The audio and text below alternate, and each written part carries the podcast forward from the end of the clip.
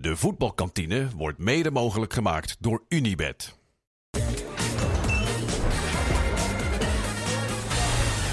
Was het een uh, veelbewogen Europese voetbal. Welk elf doelpunten tegen voor de Nederlandse uh, teams. Niet best. Vier puntjes maar uh, gepakt. Maar de Eredivisie wacht op helemaal niemand. Met bijvoorbeeld de klassieker aankomende zondag. Heb jij een beetje klassieke koorts? Klassieke koorts wil ik nog niet zeggen. Maar het is natuurlijk wel een van de wedstrijden in het seizoen om naar uit te kijken. Dus ja, ongeacht de situatie. Maar ik werd een beetje geconfronteerd met een nieuw soort realisme in Amsterdam. Oh? Ja, dat was voor mij onbekend. Misschien moeten we even gaan luisteren naar wat Marie Stijn te zeggen had daarover. Nou, we zullen wel voor de winst gaan. En dat gaan we elke wedstrijd. Alleen je moet ook reëel blijven. En dat, ook dat doe ik altijd elke wedstrijd. Dat als er uh, aanstaande zondag niet meer in zit als bijvoorbeeld een gelijkspel, omdat we gewoon niet bij machten zijn om, uh, om Feyenoord kapot te spelen, ja, dan moet je misschien wel genoegen nemen met een gelijkspel. Maar we zullen uh, in de thuiswedstrijd in de arena zullen we wel voor de winst gaan, absoluut. Ajax gaat voor de winst, maar als het moet, dan nemen ze ook genoegen met een uh, puntje. Dat doen wij hier in de kantine nooit, toch? We nemen nooit genoegen met een puntje. Maar wat vind je ervan dat ze, uh, als een trainer van Ajax een thuiswedstrijd tegen Feyenoord zegt, nou, puntje is genoeg. Had je liever gehad dat hij had gezegd, we gaan altijd voor de winst? Of is het wel ook wel logisch? Nee, weet ik eerlijk gezegd niet. Het gaat altijd over het eigen DNA en profiel en dat soort zaken. En daar vind ik het niet helemaal bij passen. Maar misschien in de huidige situatie is het inderdaad wel gewenst realisme. Zondag zal het blijken. Eens kijken wat de gasten ervan vinden.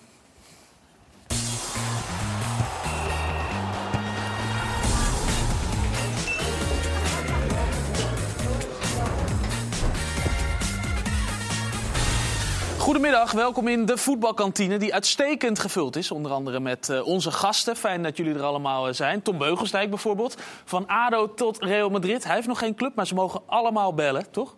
Zeker, nou niet allemaal, maar... Uh... Het zou fijn zijn als er iemand belt, ja. Ja, het zou fijn zijn als er iemand telefoon staat aan, hè? want dat kan ja, tijdens de uitzending ook. Die ja, die kans is vrij groot, ja. Want de meeste scouts kijken wel naar uh, ja, de voetbalkantine. Nou, dat geloof ik wel. Ja, over Real Madrid gesproken. Hij had er kunnen voetballen als hij wat vaker zijn biertje had laten staan. Anko Jansen. Toch? Nou, ja, met Celtic? In de Champions League nee, of zo? gewoon überhaupt. Gewoon bij Real Madrid? Nee, dat uh, was niet voor mij weggelegd. Nee? Nee. Zelfs zonder bier? Nou ja, zelfs zonder bier, ja. Helaas. Ja. Kees Luiks, Real Madrid? Had het erin gezeten? Nou, ik heb ooit nog tegen Real Madrid gespeeld in de jeugd. Net is, uh, zover ben ik gekomen, niet verder, helaas. ik heb wel tot, heel, uh, echt op, tot op bepaalde leeftijd nog wel gedacht van 2, 23, dat moet nog kunnen. Maar toen werd ik 4, 25, dacht ik, nee, dat, dat gaat hem toch niet worden. In ieder geval fijn dat je er bent. Daarnaast uh, Kelvin Jonapin. Dacht dat hij voor zes maanden naar Japan ging, maar het bleek uiteindelijk elf jaar. Welkom terug in Nederland en welkom in de uitzending. Dankjewel.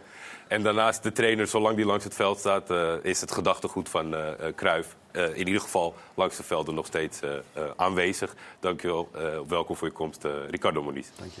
En aan de bar zit Max. Ook voor hem is Cruijff heilig in al zijn datawerk. Achter de bar, ik weet niet waar hij is. Hij ligt waarschijnlijk nu. Daar is hij! Oh. Nick Dobbe. Nick, fijn dat je er bent. Heel goed. Um, laten we beginnen bij het, bij het begin. zeggen we Ricardo? Zeggen we meneer Moniz? Zeggen we trainer? Gewoon Ricardo. Ja, is, is trainer na zo lange tijd niet, niet, niet het prettigst? Dat iedereen het gewoon trainer zegt? Nee, zo in deze nee, setting niet. Nee. Anders had hij het wel gezegd, toch? Dankjewel, uh, Tom. Fijn dat jij er ook uh, bent. Als we zo gaan beginnen, heel goed. Tom, jij hebt samen gevoetbald met Kees of, of getraind misschien Nee, alleen? ik zat volgens mij, wel dat de vorige week over, ik zat in het tweede. Jij zat in tweede? Ja, ik zat in het tweede. En Kees in het eerste? Ja, Kees was in het eerste, ja. ja. Vindt Kees zelf leuk? Concurrent? Nou, nee, nee, nee. Maar ik was ook gewoon wat verder in mijn ontwikkeling. Ja. Jij was nog je, nou, wat, een beetje van Ja, de jeugd Ik doorkomen. was 18, 19, dus ik weet niet. eh, Jij bent jonger dan 2010. Kees? Ja, dat zie, dat, dat zie ik toch wel, hoop ik. Hij pakt je altijd Ja, terug. ja, ja, ja 1-1 dan nu. Ja. Oh, sorry. ja, oh, bent ik ook was helemaal afgeleid uh, door, door dit gesprek. Nee, maar, maar ik wil nog even hebben over jullie tijd samen. Ehm, wat voor voetballer was, was Tom toen hij in het eh, tweede zat? Dus blijkbaar, eh, of in, of in jong. Eh, ik, ik had niet direct een beeld van Tom als voetballer, maar ik vond hem wel, en dat is hij nog steeds, heel authentiek. Dus eh, hoe die toen was, eh, zo is hij nu, zoals hij in zijn carrière. En dat, dat, heb, dat is mij bijgebleven van hem. Hij was ook niet heel eh, nederig of zo als, als jeugdspeler. Nou, hij was gewoon aanwezig, ook al was hij eh, 18, 19. Dat kan Kijk, ook deze, vervelend zijn. Deze toch? acties heb ik nooit, deze acties heb ik nooit gezien op training, gezegd. Maar die Maar dit, was ook, dit vloepte er gewoon uit, hè, toen. Nou, deze heb ik echt vaak van hem gezien hoor. Ja? Ja, want jij had, jij had er ook die kap, die, die heb jij er regelmatig Ja, ja. ingegooid. Dat verwachtte nooit iemand. Maar ik wist het altijd al. Als, ik, Ja. als jij in de Ja, maar positie jou kwam, deed ik het ook zo. niet. Jou deed ik het ook niet. Maar ik heb hem echt ik. vaak gezien en dat vond ik altijd geweldig. Want het ging vaak goed, hè? Ja, ja, ging vaak goed. Ja, niemand verwacht dat, maar dat kon jij, hè? Ja. Heb je aan het begin van je carrière, Tom, van een andere positie gedroomd? Eh, nee, eigenlijk niet. Want wat, wat, wat ik als kind leuk vond, was slidings maken en bal afpakken. En eh, tegenwoordig tijd eh, willen ze allemaal scoren natuurlijk. Dus ik had het geluk dat ik nog steeds het verdedigen leuk vond Ja. en vind. Tom, je Ja, bent bezig met een enorme eh, mediacampagne de, de, afgelopen, de afgelopen week. Eh, we zagen je ook bij de eretribune bij, bij ESPN. Je hebt bij meerdere programma's gezeten de, de Ja, afgelopen tijd. daar, daar kwam ik alleen niet tussen. Daar kwam ik niet, de Kees was, eh Kees was wel de Goud- go- gouden duo. Ja, Ja, we hebben ons best gedaan. eh. Ja, nee, zeker. Dat was leuk. Ja, leuk. ja en, maar hoe, hoe gaat dan zoiets? Komen er wel al voorzichtig telefoontjes of mensen die eens vragen van... eh, nou, je, je bent blijkbaar op zoek? Eh, nou, op dit moment eigenlijk in Nederland nog niet. Nee. Nee. En dat is wel wat ik graag eh, wil. eh, in Nederland voetballen. Puur Uit in welke, Nederland. welke landcodes komen de telefoontjes wel? Je zegt expliciet Nederland nou ja, niet, ze maar- bellen niet, ze, de, de clubs bellen niet mij. Maar ik heb wel van, van Frank dan te horen gekregen iets in Zweden of Denemarken. En dat, dat trekt mij niet. Maar dat heeft meer, ja, niet, niet, het voetbal zal me wel trekken, maar Het meer land. privé. Nee, meer privé. Dat dat gewoon, eh, ik heb kinderen en daar wil ik gewoon voor zijn. Je bent graag eh, thuis. Sterker nog, je bent graag in eh, de regio, nou, laten we zeggen Den Haag, Rotterdam. Ja. Daar zitten, zitten genoeg clubs, zou je denken. Misschien Feyenoord net te hoog. Ja. Dan hebben we Sparta. Nou, daar heb je natuurlijk ook ge- gezeten Ja. al. Dus eh, hebben we Kun nog... je ook Wat, afstrepen? ja, wat hebben we dan nog verder? Den ADO Den Haag. Dat kun je ook afstrepen in, in dit geval. Dus er blijft er één over. Ja, nee, ja, het hoeft niet per se Zuid-Holland te zijn. Ik bedoel, ik sta overal open voor. Alleen, eh, ja, het buitenland vind ik, eh, wordt gewoon lastig. Nee, maar we, we hebben er dan toch één over? ja, Excelsior. Excelsior, inderdaad. Eh, Dordrecht, daar heb ik dan ook gezeten. Dus ja, Excelsior vind ik een eh, mooie club. Ja.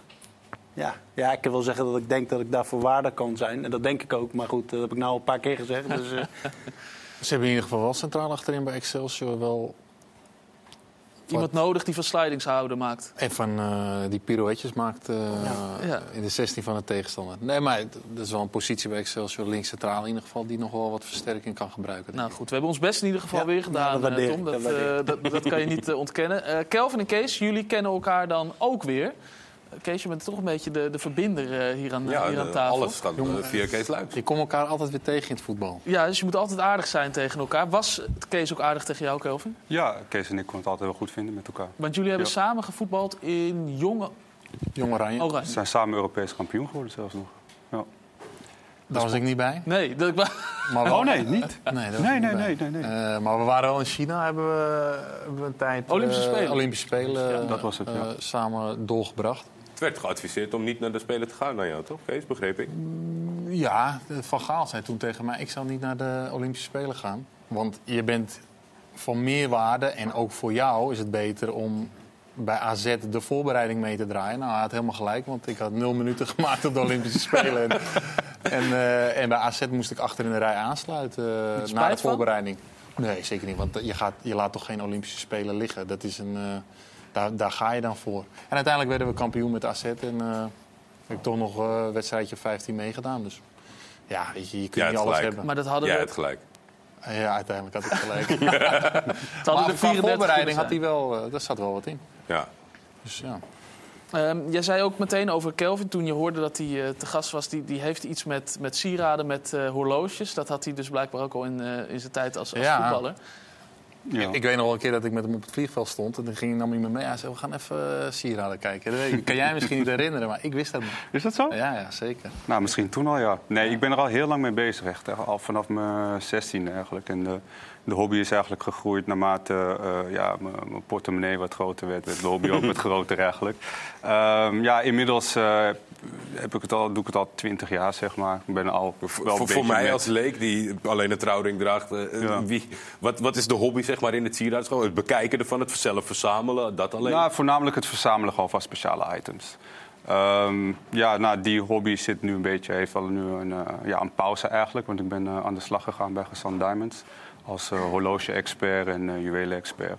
En dan help ik eh, voetballers aan hun een speciaal horloge of een, of een juweel. Nou, op pauze vanuit zelfbescherming, omdat je nu zeg maar daar de hele Ja. tijd mee wordt geconfronteerd. Ja, nee, in, in Scarface zegt ze don't get high on your own supply. Dus ja, het is een beetje... eh, ja, je, je kan het niet verkopen en het zelf houden, zeg maar. Dus ja, Ja. ik, eh, ik ben er eigenlijk mee gestopt. En we zijn blij dat je hier bent, want eigenlijk zou je een kopje koffie gaan drinken met eh, de spits van Napoli, begrepen wij. Eh, ja, ja, ja, ja. Maar dat, dat mocht je eigenlijk nog niet vertellen. Maar Oh. eh, Nooit Ja. na- nooit- aan, de, aan de verkeerde. je hebt niet gezegd, eh, je hebt niet hebt- gezegd welke spits. Welke spits hebben er een aantal? Ja, ja, ja precies. Maar eh, nee, we, we hebben eh, echt eh, grote internationale klanten. Mag je dat eigenlijk zeggen? G- Nee. Namen aan wie je horloges hebt geleverd bijvoorbeeld? Nee, nee. Er, er zijn wel spelers die, eh, die het prettig vinden ehm, al- als het op social media komt of zoiets. En soms heb je toch wel jongens die echt gewoon even willen laten zien dat ze iets zien. moois hebben. Maar de meeste zijn gewoon super discreet. Dus eh, ja, dat, dan moet ik dat ook zijn. Maar je hebt nu zelf eh, niks om. Ze heeft eh, de, de, de oplettende kijker gezien. Is dat ook uit een soort van veiligheid dat je denkt... eh, dat... Nou, wat ik al zei. ik, ik, ik werk elke dag met, met mooie spullen. En dan, dan heb je er toch wel wat minder affiniteit mee op een gegeven moment. Ja. Naast je zit Ricardo Moniz. Ricardo, we hebben even een lijst gemaakt met alle clubs die je hebt gehad in, in je carrière. Dat is deze nou ja, kaart geworden. Ehm, als je daar nou zelf naar kijkt, of als je terugdenkt aan die, eh, aan die enorme lijst... is dat dan een soort van trots? Of denk je, het is wel een hele lange lijst? Nee, dankbaarheid. Hè? Door de bal zie je heel de wereld. Hè? Ja, En de goede tijden en de slechte tijden, alles hoort erbij. Dus eh, door de bal, eh, je loopt achter de bal aan en dan brengt je in 15 landen. En er zijn, het is een gigantische eh, lijst met, met de grootste clubs ook. eh, als, als ik je nou zou vragen naar de, de mooiste periode. Ik eh, mis nog wat clubs hoor trouwens. Er komt nog wat achter, toch? Oh, ik wou net zeggen. Ja, dat geeft niet. Dat is ook niet belangrijk. Ja, Ik denk gewoon, eh, Nou ja. om op je vraag terug te komen, ik denk eh, elke dag die je op het veld staat. ja? Ja, ook in slechte tijden moet je met de borst vooruit eh, gewoon weer doorgaan. ja, want over, Ja, hier is, eh, hier is pagina 2 inmiddels. Eh, je had het ja. goed voorspeld, eh, Ja. Kees. Maar goed, Maar het is gewoon het, het, het feit van op het veld staan, ongeacht waar ter wereld. Ja, en dat is nu terugkijkend niet dat één club of nee, één alles. land. alles. Want het, het is ontwikkeling, hè? Ja. Ook de slechte tijden. En je zegt ook in slechte tijden. Als Ja. we het dan over slechte tijden hebben. Je laatste club in Kroatië, Slaven Belupo. Ja, Dat was een korte periode. was heel slecht. Maar het was een vlucht naar alle ellende die ik in Hongarije had gehad. Ja, gaan we, gaan we het later over hebben hoor, in de uitzending. En, eh, maar ook dat moet je ervaren. Maar hoe, hoe komt dat tot, tot, tot stand, zeg maar? Je, je gaat met een Nou, club je- in gesprek en... Ja, goed. Je gaat met de club in gesprek met iemand die de- mij uit de trenching-tijd kent. Ja. Die wil dezelfde filosofie hanteren. Maar dat kun je nooit in zes weken realiseren. Nee. Bij Trenching hadden we toen wel al een goede setting. Toen wij in die zomer eh, Europees goed doorkwamen. Dat kwam door Ling. En hier moest je dat nog opbouwen. Dus bijvoorbeeld drie dagen voor de competitie begint, kreeg je de spelers pas. Ja. Nou, dan kan je in zes weken nog niet dat neerzetten. Maar zwart-wit genomen, ik ben altijd kritisch naar mezelf, dan moet je maar winnen. Want dat weet je, zeker in die landen. Ja. Ik heb één fout gemaakt, ik had geen eigen assistent erbij. Oké. Dus ik zou iedereen willen adviseren, als je naar dat soort landen gaat... je moet altijd zorgen voor je eigen assistenten, anders word je... Moeten we dan denken aan stoelpoten? Anders word je, ja, dan word je in de rug gestoken. Ja. Zelfs in- Zo- zo- Maar ja, in- ik, in ik zes vind, het zo, weken ik tijd. vind het zo lastig zeg maar, dat als iemand zeg maar, vanuit de trenching-tijd over een filosofie praat en dat soort dingen. En, en dan na zes, zeven wedstrijden zegt Kijk, van, het nou, lukt al. wordt niks. Toen, toen na die eh, Europa League eh, succes hebben we vier spelers verkocht. Ja. Nu hebben we ook al een speler verkocht. Ja, en nu verkochten we ook een speler. 1,3 miljoen, Sonac, ook een Kroatische 19-jarige jongen. Toen hebben ze twee jaar budget met die 1,3 miljoen. Maar ze zullen nooit weten wat er nog aan had gekomen. Snap je wat ik bedoel? Als je met trouw in die filosofie bent. Ja. Maar steeds meer clubs, ik heb ook even bij HSV gezeten, zijn hun identiteit kwijt. Dat zijn de topclubs die allemaal vallen. Ook een beetje wat met Ajax gebeurt. Maar degene die trouw blijft aan die filosofie, Bayern bijvoorbeeld, die blijven favoriet. Maar- En je ziet het verschil met HSV hè, bijvoorbeeld. Die hebben niet meer die favoriete rol zoals in de tijd van Rubens. Ja, en dan val je. Heb, je, heb je nog wel hoop om, om zeg maar, bij een club terecht te komen waarbij je denkt van ja, die snappen het en die zullen niet na, na drie teleurstellende resultaten ingrijpen? Want hey, dat- jouw filosofie is veel breder dan. Ja, maar je Vijf kan, wedstrijden winnen. je kan alles. Je ziet het net aan Leipzig. Die waren vierde nationaal hè, in 2011. Ja. Maar uit niets. Omdat ze trouw bleven aan hun filosofie. Niet de waarheid, maar hun stijl. Spelen ze naar de Champions League. En geld, hè? Ja, Ja, ook dat. Het nadeel is wel, en daar heb je gelijk in, ze hebben geen eigen jongens opgeleid. Nee, Snap je? een super scout netwerk, maar geen. Die Ranjik, opleiding. de Ranjik-stel heeft wel voor de kwaliteiten gezorgd. En de types. En Ja. het verschil voorin. Maar je leidt niks op. Ricardo, we zagen net die enorme lijst met eh, clubs van twee pagina's dus. Klopt het dat je moeder eh, altijd meegaat? Ja, ja zeker. 84 hè? inmiddels? Twee keer per dag lopen, supplementen nemen. Je moet de ouderen zeker fit houden. Ook hier ziet heel de wereld. Dus je ziet je moeder misschien ook wel als een soort eh trainer, trainings... eh, Groot voorbeeld. Sterkste vrouw die ik ken. En, en, en ik denk dat dat eh, heel belangrijk is. Hoe is het om je moeder mee te nemen naar dan weer Kroatië? Dan nou, weer- dit, dit was wel een klap voor haar. Dit, eh, die, zei- ja, ja. Toen in de Zalligenzek was het wat minder, maar dit was wel een klap. Waarom? Nou, omdat je met 30 koffers vertrekt. Hm. Hè, een week van tevoren al voorbereiden wat ze meeneemt, medicijnen, supplementen. En dan kom je daar. En het waren toch wel een stel minimalisten daar, ja. Ja. Gewoon amateurs. Amateurs. Ze moeten nog steeds de spelers betalen. Dat soort dingen, weet je wel. Ja, en daarin moet je gewoon jezelf blijven. En gewoon veel eisend blijven, ook naar je omgeving toe. Dus je is wel teleurgesteld. En dan is het na een week of zes is het dan klaar. Dat betekent ook voor haar dat het klaar is. Ja, maar goed, daar ook word je mentaal sterker van. Elk nadeel heeft zijn voordeel. Ziet zij... Ja. Kruif, Ja, maar goed, je kan wel even, snap je, even ziet bij. zij dat ook zo? Ja, zeker. Kijk, iedereen groeit, hè? ook in je omgeving. Iedereen moet groeien. Want het is, eh, hij weet het zelf ook, wat hij heeft meegemaakt. Het is allemaal niet niks. Hè? Mhm. Ja, En zeker. iedereen op zijn niveau heeft zijn... eh, maar het voetbal drijft je. Ja. Dus uiteindelijk is alles... Ik, ben- ik ben benieuwd, is, dit- is dit vanaf, vanaf het begin of is dat ergens gegroeid? De, de band met je moeder, of tenminste de afspraak om mee te reizen? Is dat gaandeweg je carrière zo gebeuren? Of is het eigenlijk altijd geweest? Ik denk dat het een stukje in je zit, ja. Ja. Maar goed, dat heb jij ook. Je moet gewoon omkijken naar elkaar. Ja, en datzelfde is met spelers. ja. Kwam er wel eens ik ben toch benieuwd, kwam er nog wel eens een vrouw tussen? Ooit wel. Maar Nee, maar hield- ooit in die tijd. Ik bedoel, je neemt je moeder ja, de mee laatste, en de laatste hield niet van Cruijff. Toen zei ik, daar- eh, ik zeg, pak de weegschaal, eh, 20 kilo, eh, weet je wel, wees erg. Ja. Toen mocht ze op het vliegtuig. Ja.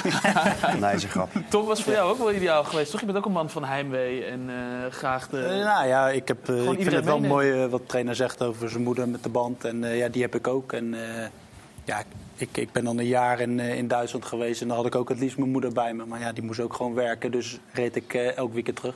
Ja. Zo loste ik het op. Nou ja, dan maar eh, was handiger geweest om hem mee te nemen. Ja, tuurlijk. Nee, ja, maar dat, dat, dat, dat kon op dat moment niet. En, eh, joh, eh, maar ik vind het mooi wat eh, de trainer zegt, Absoluut. eh, die band. Voelt dat terugkijkend daarop dat je denkt van... is dat een inspanning geweest die misschien je voetbal in de... wet- dat je weet, toch elk weekend eh, die ritten maken? Nee hoor, nee, nee, nee, zeker niet. Want op dat moment kon dat ook. Het was niet heel ver rijden. Ik deed er vier uurtjes over. En ik wist, ik deed het ook, ik deed het niet elk weekend. Dat wordt natuurlijk overal gezegd. Ik Ja. deed het op de momenten dat het kon. Ja. En ja, dan, als ik dan alleen in Duitsland zat, kon ik lekker terug naar Den Haag en naar mijn maatjes. En ja, ik was 24, dus ik ging vanuit huis, vanuit mijn moeder. In één keer op mezelf. En dan, ja, ik had nog niet eh, op mezelf gewoond. Dus ja, ik ben wel een familiemens. En ik Moest af en, toe, en, eh, af en toe even teruggereden ja, worden. ja, We horen straks wel van je wat je allemaal had dan. eh, in die- uitgesproken? Ja, nou ja, niet alles. Is, zo laat is het nog niet, eh, Tom. Ja, ik heb wel koken, ja. ja, ja. Hij kan wel komen. We gaan het straks, we gaan het straks hebben over de buitenlandse avonturen. Nu eerst alles wat... er- Oh ja, dit is wel... Ja, kijk, daar komt wat aan. De bitterballetjes vuren. We gaan het hebben over het voetbal van aankomend weekend. Want de klassieker komt er natuurlijk aan. En het is vrijdag, dan weet u thuis ook al. Het is vrijdag persconferentiedag. Dus Maurice Stijn kwam aan het woord. Maar ook bijvoorbeeld Arne Slot. En hij werd gevraagd naar wie nou die linksbuiten moet gaan eh, vervangen. Wie wordt de vervanger van Ivan? Eh, met een nieuwe buitenspeler. En daar hebben we er een aantal van, hè, zoals je weet. Dus eh, ehm, dat is het voordeel van wat meer buitenspelers hebben. Eén, wissel je ze al vaak, hè, want dat is een positie waar je moet creëren. Dat is het moeilijkste in voetbal, dus dat lukt niet altijd. Dus daar wissel je wel eens wat in. En ehm, nou, daarom dat we denk ik al twee jaar op rij vijf of zes buitenspelers hebben. Omdat er ook wel eens eentje geschorst of geblesseerd is. Dus dan heb je nog steeds dat je er twee kan laten starten. En ook als ze niet zo goed draaien, dat je ze kan wisselen. Dus eh, opties voldoende om dat in te gaan vullen. Wat vond je van eh Gaia, Soetalo en Hato in balbezit? Ehm, FC Breed, of niet? Nou, nou ja, FC Breed, dat, eh, dat vind ik niet. Want eh, we hebben ook een aantal keren eh, een risicovolle paas gegeven eh, die dan onderschept werd. Dus ik heb wel eh, ook aan die jongens aangegeven, zeker als je met zo'n hele nieuwe formatie speelt, dat je, dat je zuinig moet zijn op de bal. Ehm, dat, eh, dat vooropstellende. Maar zij zijn zo zuinig op de bal, met name de eerste helft, dat, dat, dat er geen tempo meer in de wedstrijd komt. Nee, dat ben ik met je eens. Dat, ook dat is een verbeterpunt. Kaashuis? Eh nee. Anko, FC Breed. Kun je je vinden in die vraagstelling? Nou, niet helemaal. Maar het is wel dat ze eh, gisteren ja, echt enorm veel ballen hebben verloren. Niet alleen breed, ook, ze proberen ook echt wel mensen over te slaan met diagonale ballen. Maar ze nemen daarmee heel veel risico. En eh, ja, het gebeurt ook heel vaak dat als een back al weg is... dat ze ballen in gaan spelen en dat constant aan de contrakant... dan eh, krijgen ze een counter tegen en dan ligt het helemaal open. Dus ze nemen gewoon heel veel risico en zijn onzorgvuldig. En ja, ook breedte ballen, maar ook wel diagonale ballen, allebei. Het, het, eh, het is gewoon heel veel balverlies. Ja. Kees, het moment waar ik mee opende, ik kreeg de vraag van Wouter wat ik ervan vond. Maar wat vind jij ervan? Het, het nieuwe realisme, wat Barry Stein uitspreekt? Puntjes eh, genoeg? Nou ja, Ja, gechargeerd, maar is, toch, gechargeerd. nog- is toch totaal logisch? Als je ziet waarvan Ajax, Ajax kan, moet blij zijn als ze een punt pakken op voorhand. Hè? Je weet niet hoe die wedstrijd zich gaat ontwikkelen, maar op voorhand. Eh, Ajax is eh, echt, die, komt uit een, die zit in een heel diep dal. Op alle fronten. Sportief, organisatorisch. De, club ligt helemaal op zijn gat. Het is echt het is niet te geloven wat daar is gebeurd. Dus als je tegen Feyenoord moet, die de boel allemaal goed voor elkaar heeft... Ja, dan, eh, dan is het punt eh, iets, iets om je aan vast te houden straks. En, en, en weer door te groeien. En dat is wel wat ik voor het eerst zag nu bij Ajax. Dat er een klein beetje, een klein beetje... Ik ga niet eh loftrompet eh, steken, maar een klein beetje karakter in die ploeg komt. En ehm, Strijd daar zullen zij het gewoon voor moeten hebben. Wat is Punten karakter dan? pakken. Karakter in de ploeg, wat is dat? Eh, keihard werken voor elkaar. Eh, pff, ja, dat, dat, gewoon, hoe zeg je dat, eh, veerkracht tonen. Niet opgeven bij tegenslag in een wedstrijd. Dat, dat heb ik bij Ajax een beetje gezien. Eh, echt niet eh, dat het een wereld van verschil was met die andere wedstrijden. Maar dat zag ik nu in ieder geval. En je ziet het ook, ik kijk altijd naar lichaamstaal. Weet je, hoe reageren spelers op doelpunten? Zit er echt agressie in of Nou, er, wa- er ontlading? kwam wel wat los bij elk doelpunt. ja, daar komt wel wat los. En ja, dat, dat, dat vind ik. Dan doet het ze wat. Soms keek ik naar Ajax, dan doet het ze nog wat, die gasten. Weet je, gaan ze het met elkaar eh, vieren of eh, tegenslag? eh, zeggen ze.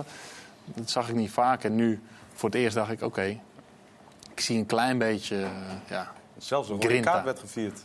Dat was met een groot applaus, ja. Die, die, Opvallend, toch? ja, dat vond ik ook. Jij nooit eh, applaus gehad voor een rode kaart? Nou, dat hoefde je vroeger niet te flikken hoor. Als jij je debuut maakt in de Europa League en dan eh, rood eh, Nee. krijgen en dan. eh, Werd er, niet wat, werd er niet wat anders met dat applaus bedoeld vanuit de tribune? Nou, zo, ik- zo interpreteer ik het een beetje natuurlijk. Dat, dat is het. Maar ik- Het is wel gek. Alsnog vind ik het wel opvallend. Hoor. Maar wat Ja. is het met, had je vroeger niet moeten doen? Wat dan? Nou, dan denk ik dat er wel een paar spelers in die kleedkamer zeiden die even, dat je even een tik in je nek kreeg. Ja? Eh, wat ben jij aan het doen, eh koekenbakken? met met applaudis, hij applaudisseert ook terug naar Nou ja, ja, weet je, eh, ergens snap ik het van hem misschien ook nog wel. Er is natuurlijk veel te doen geweest over nou ja, aankopen. Koopclub eh, of opleidingsclub. op zijn positie, nou ja, goed, eh, Atletico Madrid, noem allemaal maar op. Zou hem willen hebben, eventueel. Nou, oké, eh, maar hij, eh, volgens mij een Instagram-post met eh, dingetjes, er speelde heel wat. Nou ja, Had gezegd dat hij niet meer zo zin had om te wachten. ja, nou ja, goed, eh, hij vindt zichzelf ook klaar om te spelen. Ik heb het interview daarna gezien. Liet hij En- overigens ook wel zien. Ja, Ja, vond ik ook. nee, absoluut. Maar hij had volgens mij ook erg het idee dat het publiek dat ook vond. En hij wou ook wel daarmee een beetje laten zien van... kijk even, het publiek staat Ja. achter me. Ja. Maar vroeger, Nou, dat ik weet was- niet, misschien nog, maar was- kwam je hier niet mee weg. Nee, was- Dan kreeg je hem echt te horen van een paar Ja. oudere gasten. Ik, ja, ik, dat soort dingen normaal gesproken haalde je het niet in je hoofd. Nee, ja, maar bij een je rode debuut- kaart, Bij je eh, debuut, hè? In, in, in Europees verband. Ja. Ja, dat is- was wel opvallend. Tom, hoe zit jij eh, zondag voor de tv? Want het is voor jou een, een gekke wedstrijd. Eh, liefde voor Feyenoord en liefde voor de trainer van Ajax. Ja, nou precies hoe je het zegt. Ja, maar eh, je moet toch kiezen uiteindelijk. Gelijkspelletje ook. Ook, ga je ook met een puntje... Met de puntjes De bus- ja, ook om iedereen tevreden? tevreden te houden, bedoel je? Ja, Ja, ja laten, we, laten we het daar maar op houden dan, inderdaad. echt waar? Ja, kijk, weet je, normaal gesproken zeg ik altijd... eh, ja, ben ik voor Feyenoord in zo'n... eh, maar ik, ik zie ook waar ja, de trainer nu in zit. En ja, dan gun ik hem ook wel eh, de punten. Alleen, eh, ja, dus eh, misschien moet je beide teams tevreden houden. Hoe, En dan, hoe is het om hem nu te zien, Stijn, ja, bij ik, Ajax? ik, ik, ik vind dat gisteravond, zo- er, kwam wel echt bij elk Ja. doelpunt... emotie. En zo, dat is precies hoe ik hem ken. En hoe ik hem al ja, niet heel mijn leven vanuit de jeugd ken. En ja, je ziet ja, die emotie, hoe blij die is met, met het doelpunt. En ja, ik, ik, ik was ook blij voor hem, laat ik het zo zeggen. En eh, ja, het is zonde dat je ze dan eh, zo makkelijk weer tegenkrijgt. Maar zou je zondag Stel dat, stel dat eh, Stijn wint, zijn er toch ook nog met een goed gevoel eh, kunnen zitten als, als Feyenoord-fan? Nou ja, weet je, kijk, voetbal is met alle respect sport. dus, dus het is niet zo dat ik er niet van slaap als Feyenoord of Ajax of ADO een wedstrijd een keer verliest. Dus ik kan wel makkelijk relativeren, ja. Kees, jij zegt net eh, met zo'n rode kaart dat je het zeker gehoord. Maar wie bij AZ had eh, gisteren nog wat moeten zeggen tegen wie? Een 3-0 voorsprong weggeven? Nou, dat vond ik dus wel een ander soort wedstrijd dan, dan Ajax. Eigenlijk vond ik dat AZ heel veel goed deed. Eh, bij Ajax was het... Tweede helft ook? Ja, maar kijk, dit, dit zijn gewoon twee momenten van de keeper... die hij totaal verkeerd inschat. Ik denk dat hij eigenlijk wil compenseren doordat hij zo klein is. Waardoor hij iets meer vooruit gaat eh, speculeren om een voorzet, op, een, op een voorzet te anticiperen. Ja, en, en dit vond ik eigenlijk het slechtste moment. En die andere drie, ja, dat vond ik... eh, die derde vond ik een, toevalstreffer. En die, tweede, die eerste en tweede waren fouten van de keeper. En die vierde, ja, daar is AZ niet scherp. Maar dit waren, dit waren de momenten dat zij gevaarlijk werden. En voor de rest is AZ, vond ik... Want hè, voor mij wordt vooral ik een wedstrijd analyseer.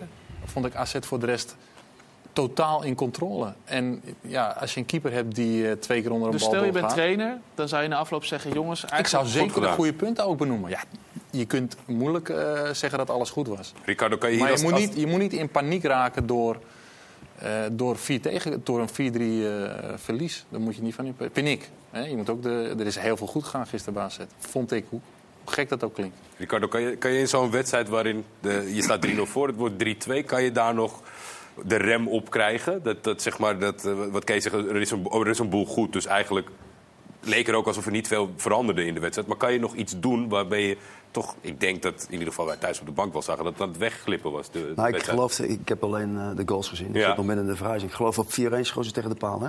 Eh, Ja, ja, 3-1, 3-1, 3-1, ja. bij 3-1. Dan is 4-1. Ja, dat Ja. zijn, dat zijn, dat, dat zijn eh, kantelmomenten. Heb je wel eens gehad dat, dat je 2-0 of 3-0 voor stond en, en die voorsprong weggaf? Ja. Ja, zelfs met een man meer.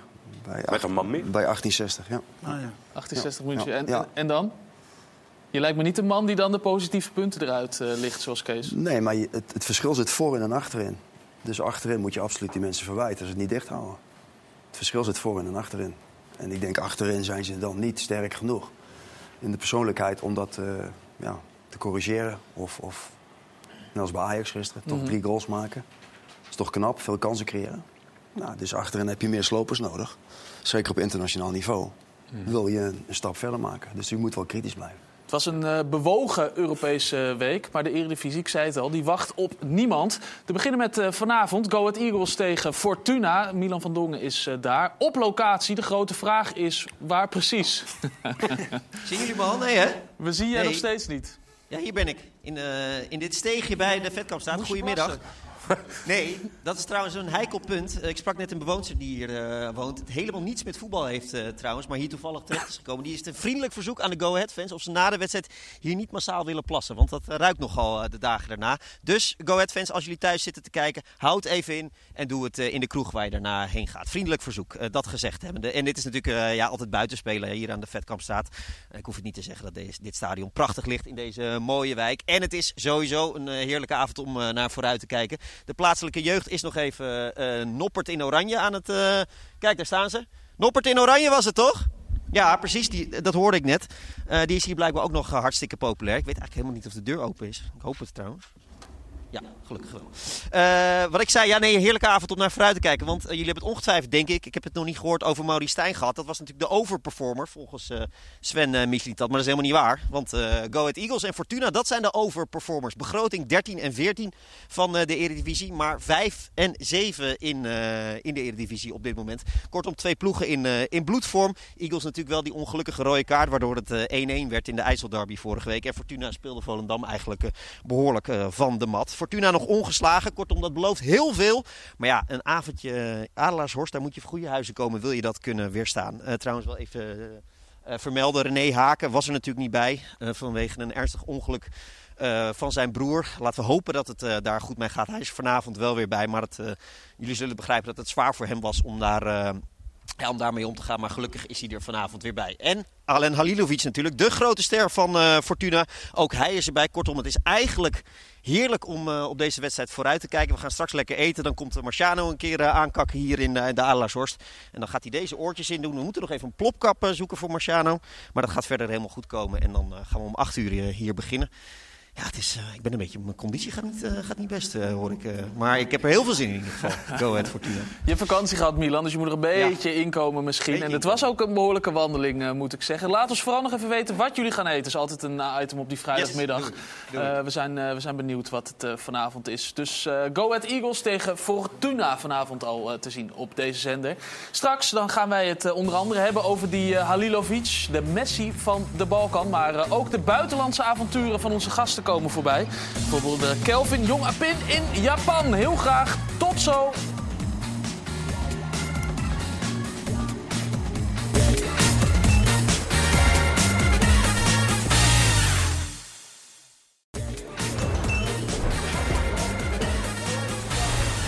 Welkom terug in de voetbalkantine, waar we over van alles hebben doorgepraat. Maar ook over die wedstrijd van vanavond. Go Ahead Eagles tegen Fortuna Sittard. Go Ahead Eagles speelt swingend voetbal dit seizoen.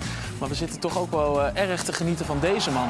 Halilovic, die uh, nou ja, iedereen inmiddels een panna heeft gegeven ongeveer op het, uh, op het veld. En ook al een aantal prachtige doelpunten heeft gemaakt. Is dit een beetje een, een, een speler naar je hart, Ricardo? Nou, het gaat om het rendement. Dit bijvoorbeeld. Dus een, dus een panna op het middenveld kan je niet zo van genieten? Nee, nee, oh. nee totaal niet. En dit? Want dit is uh, die korte sokken. Ja, ik vind nou, het er goed uitzien. Daar moet je het verschil maken. Ja. Dan wel. Maar alleen maar als hij scoort. Dus alleen of, korte sokken en uh, ballen door de benen is niet genoeg. Je moet wel rendement hebben. Ja. Ja, schrijf je mee? Ja, ja nee, okay. zeker. Ik, uh, ja. ik, ik hoef het nog steeds op het pleintje. Heel goed, heel goed. Rendement is heel belangrijk. Zo is het ook voor ons eigen Max, de, de dataman. Toch? Ja, zeker. En jij zit wel te genieten van Halilovic. Nee, onwijs. Ja, het is een van de, ja, de verrassingen van dit seizoen. Eigenlijk, als je zijn historie kijkt, weet je gewoon dat hij heel goed kan voetballen. Hij was de jongste debutant ooit bij Dynamo Zagreb. Heeft gespeeld bij Barcelona, AC Milan, HSV. Deze jongen die moet gewoon heel goed kunnen voetballen. Alleen ja, zijn contract was ontbonden, een tijdje alleen getraind. En Fortuna durfde het wel aan. En uh, nou ja, ze hebben een gok genomen met hem. Maar wel uh, is hij nou dat dubbel en dwars aan het uitbetalen. Want als je gaat kijken naar zijn statistieken... Bij hem zijn voornamelijk de aanvallende statistieken het belangrijkste. Uh, qua gecreëerde kansen uh, staat hij vierde in de totale lijst van de eredivisie. Doelpogingen betrokken zal ik even uitleggen. Dat zijn dus gecreëerde kansen en schoten die hij zelf heeft. Dus dan komt er uiteindelijk altijd de schot uit, uit voort. staat hij zevende. Nou ja, goed, qua geslaagde dribbles, en dat zagen we net ook al. Daarin springt hij er echt uit. Alleen uh, Kouaib van Excelsior heeft vaker zijn man voorbij gedribbeld dan, dan hij. Ricardo, als je hem nou net zo aan het werk zag, zag je dan wat terug van, uh, ik noem er iemand, Wielkoer? Oef, nou stel je me een... Uh... nou, bij, bij Curve was het zo dat... De oefeningen natuurlijk. Nee, dan, dan moest elke positie die kwaliteit hebben. Mm -hmm. Dat je niet wist uh, wie er kwam. Dat was bij Curve het idealisme. Dat elke positie die dreiging had. Ik heb de naam uh, genoemd. Gaan we naar de stip? Ja. Naar de stip. De bal gaat op de stip. We hebben een uh, vaste rubriek waarbij uh, onze gasten... We hebben natuurlijk allemaal gasten die allemaal prachtige dingen hebben verzameld... tijdens hun uh, voetbalcarrière. En het meest bijzondere nemen ze dan mee. Ricardo, jij hebt ervoor gekozen om... ja, het lijkt je belastingaangifte, maar het is... Nou, het is een van de tien mappen die ik heb. Maar ik heb elk telefoongesprek... Want ik heb gewoon les gehad van hem over de telefoon. Met steentjes, met propjes papier. Curver hebben we het over, Met curver, met, ja. met spuug op het bushokje. Dus je hebt de, de meest intelligente kennis gekregen van een geniale man. Maar je wist, dit krijg je nooit meer. Dus ik schreef alles op. Ik was wel moe na zo'n uh, telefoongesprek. Maar ik zal het er even bij pakken. Ja, maar toch nog even hoor. Want je, je was dus met, met Curver in gesprek. Ja. Een, een, een bushok. En dan, jullie, en dan gingen jullie met spuug. Dan ging je oefeningen uitleggen, ja. Dus het hoeft niet met een computer, het hoeft niet op school. Het kan in alle eenvoud. Maar het gaat erom dat je het herkent dat zo'n icoon van Nederland uh, moet wel leidend blijven. Beste, beste, trainer? Alle tijden, ja? absoluut. Wat hebben we hier? Nou ja, elk telefoongesprek, ja, dan bleef ik schrijven. kan je het zelf nog lezen? Ja, absoluut. En dan, en dan sloot ik het hier af Eh, 30-1. Dat was een gesprek op 30-1 2010. 2010. Ja. Ja. En- Nou, en zo heb ik eigenlijk eh, elk telefoongesprek genoteerd. En eh, dit is heel belangrijk ook voor na ons. Zo zie je dat echt. Ja, absoluut. Ja. Dat Nederland altijd wel de beste spelers moet blijven opleiden. Wat, wij, wat ons in mijn jeugd groot heeft gemaakt. In de jaren 70 hadden wij de beste spelers. En Dat, dat, kan- is, dat is ons DNA. Anders kan je geen totaalvoetbal spelen als jij niet op elke positie de beste spelers had. 74. Nou, en daar staat hij garant voor. Niet alleen in de top, maar vooral eh, in de breedte. Hè? Zelfs op amateurniveau. Zodat we dat DNA blijven houden. Dus jij zegt, dit is het Nederlandse voetbal-DNA? Ja, absoluut. Zit in deze map? Ja, natuurlijk is Zeist, hè, het tactische, verheien, alle infrastructuur we hebben is top, maar we moeten samen gaan werken. Als ik zie wat nou Cruijff nog bij Ajax invloed is, is 0,0. Die man heeft zijn leven gegeven. Waar zijn ze in hemelsnaam mee bezig? Snap je? Mhm. En, en, en dat soort dingen, die vergeet deze generatie gauw. Wie hebben ons groot gemaakt? En daar moeten we trouw aan blijven. Hoe was het om met hem te bellen bijvoorbeeld? Ja, dan werd je overreden door een vrachtwagen. Zo voelde dat. Ja, maar goed, inspiratie, warmte ook, maar ook keihard. En ik heb hem nooit gekopieerd. Je moest het altijd vanuit jezelf meenemen. Dus bijvoorbeeld dan deed ik 3 tegen 3 half veld. Op grote ruimtes. Nou, daar vond hij dan niks.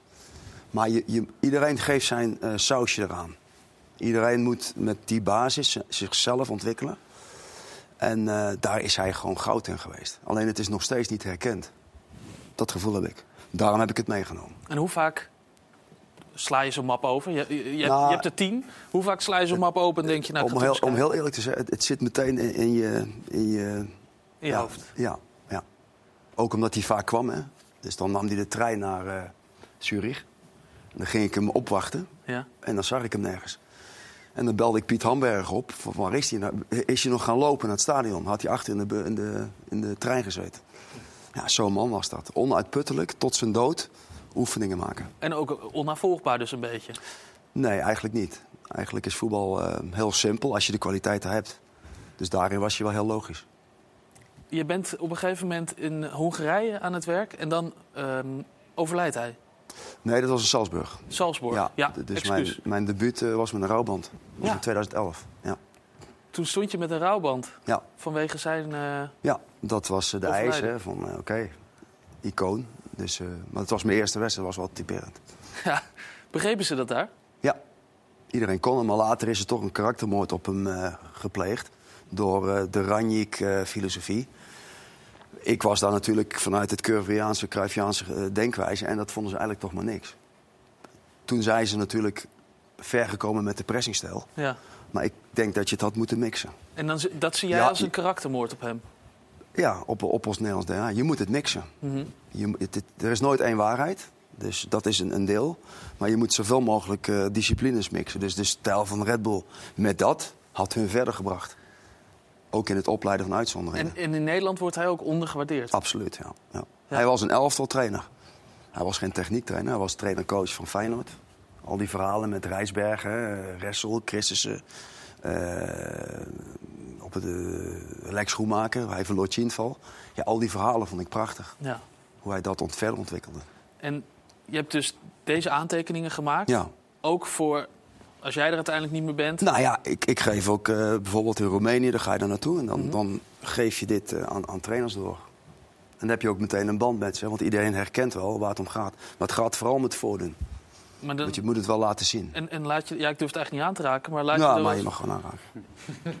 laat je dan wel eens eh, zo'n gesprek zien? Zo'n, eh, Ja, dit zat, dit, kijk, want het, staat, dus, het, het is kijk genummerd. het probleem is, kijk, ik ben, geen, ik ben eh, iemand van het veld. Dit is Ja. allemaal op papier. En er wordt te veel met laptop en al die performance coach en al die, die theorie gewerkt. Dus dit is ondersteuning wat je op het veld moet omzetten. Dus in dat opzicht... Je vindt het toch niet zo prettig, hè? Nee, nee. Het is maar papier. en, en te veel staat op papier. Het moet in het hart zitten. Ja. Alleen diegenen die ik eh, opleid, ja, die staan er wel voor open. En ik denk dat de KNVB hier nog een hele lange weg in eh, te gaan heeft. Want we, we hadden hem in eigen huis, hè? Ja. Net zoals Cruijff, Curver. En daar moeten, we wel, daar moeten we wel trouw aan blijven. De meeste voetballers die hier eh, komen, Ricardo, nemen een shirtje mee of een, eh, of een beker. Je hebt dus de gesprekken met eh Wil Curver meegenomen. Nou, de kennis. Ja, de kennis. Zou, kennis. zou jij je aantekeningen op de stip willen leggen? Zo heet de rubriek nou eenmaal. Ja, En dan gaan we ze niet vergeten. alsjeblieft. Hoppakee, dankjewel. Graag gedaan. De bal gaat op de stip. Kelvin, in 2007 heb jij natuurlijk het eh, EK gewonnen, zoals eh, in de intro aangegeven met Jong Oranje. Hoe was het om deel eh, uit te maken van die groep? Ja, het was echt een hele unieke ervaring. Ehm, daarna heb ik eigenlijk ook niks meer gewonnen. Dus ik ben wel heel trots op dat ik dat heb mogen meemaken. Het gebeurde alleen ja, heel vroeg in mijn carrière. Dus daarna ehm, is eigenlijk niet zo heel veel meer gebeurd. Toen was je speler van? Uh, Heerenveen. Heerenveen. Ja. En dat- dat- dat- dat- daarvoor heb jij, je bent bij Heerenveen terechtgekomen via FC Volendam. Ik heb de jeugdopleiding bij eh FC Volendam gedaan. Eh, tot aan het eerste. Daar heb ik niet zo heel veel wedstrijden mee gespeeld. Ehm, ja, eh, ik kon daar wel verlengen. Maar wat ze aanboden was niet, was niet zo spannend. En toen heb ik ervoor gekozen om een stap terug te nemen. Eigenlijk naar het tweede voor Heerenveen. Ehm, en dat ging eigenlijk best goed. Met de tweede zijn we toen kampioen geworden en hebben de beker gewonnen. Eh, en toen mocht ik ook nog mee eh, af en toe met het eerste. Ehm, zodoende in de kijker gespeeld bij eh Foppe de Haan. En ehm, ja, die zomer werd ik ook dan Europees kampioen. Dus, Maar dan win ja. je dus een, een beker, je wint het EK. Wat denk je dan dat, je, dat er voor carrière aankomt? Ja, dat is het dus. Ehm, eh, mijn carrière is totaal anders gelopen. Ja, jongens als uh, Royce Drenthe, Ryan Babel, uh, Hedwiges Maduro... Ja, die gingen allemaal naar topclubs, Europese topclubs. En ehm, ja, ik was net één jaar serieus profvoetballer.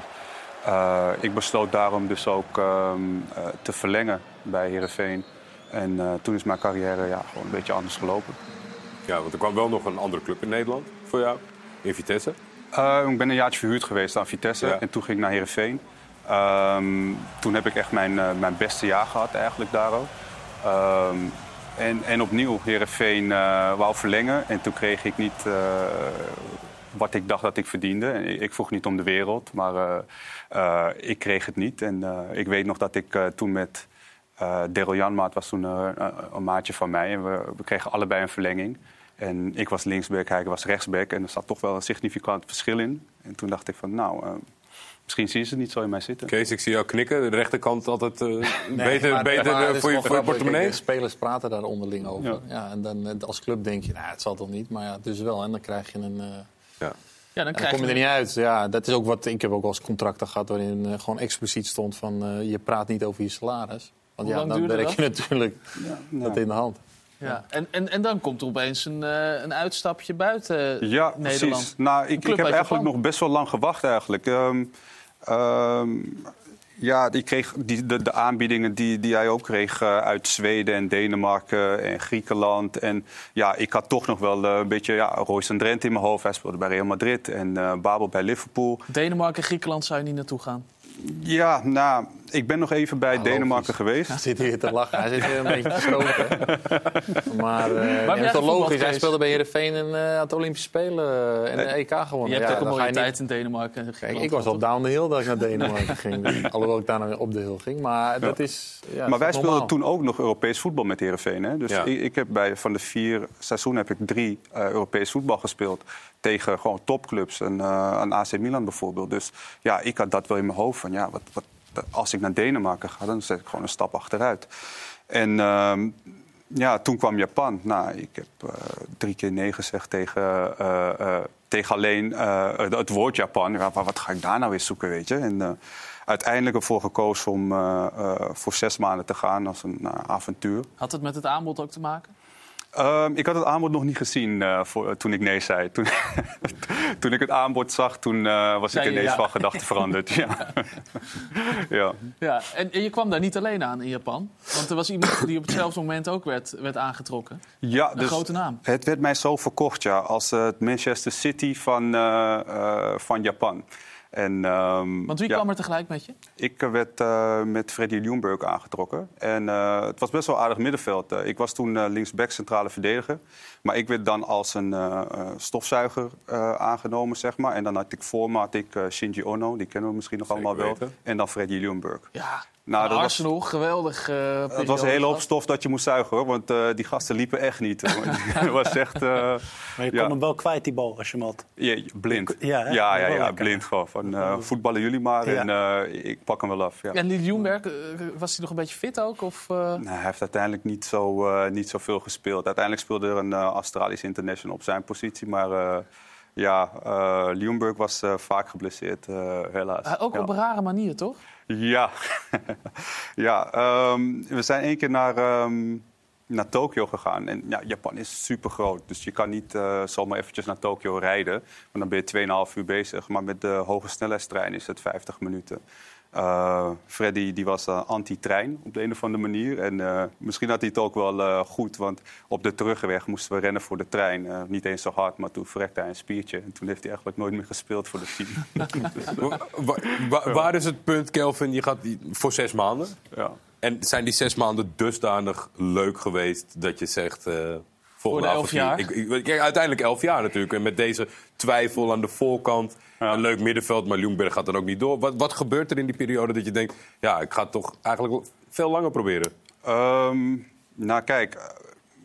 Ik heb een beetje andere carrière gehad als, uh, als iedereen. Um, weet je, uh, zoals ik al zei, mijn carrière ging super snel. Ik, uh, ik, ik, speelde bij Volendam voor 50 euro een busabonnement. En um, daarna was ik Europees kampioen. Maar ik ben dus heel lang gewoon echt super broke geweest. En ik heb dus echt gewoon een een, een, een, een, stap genomen om financieel ervan beter te worden. Ja. En, nou, ik heb echt een uh, hele rotperiode gehad, eigenlijk de eerste zes maanden.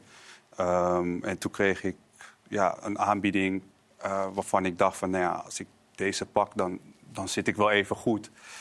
Um, ja, en toen is het echt gewoon een bewuste keuze geweest. Van even niet zeuren, even gewoon er doorheen bijten. Dus die zes maanden was niet leuk, maar financieel gezien en dusdanig om dan toch nog te verlengen. Die zes maanden waren verschrikkelijk, ja. ja. Ik, uh, ik weet nog dat toen ik terugkwam dat ik echt... Uh, uh, er was een soort van welcome back party van mijn familie en zo. En dat ik op een gegeven moment gewoon moest wegtrekken. En dan zat ik met mijn moeder en mijn beste vriend op het, op het balkon.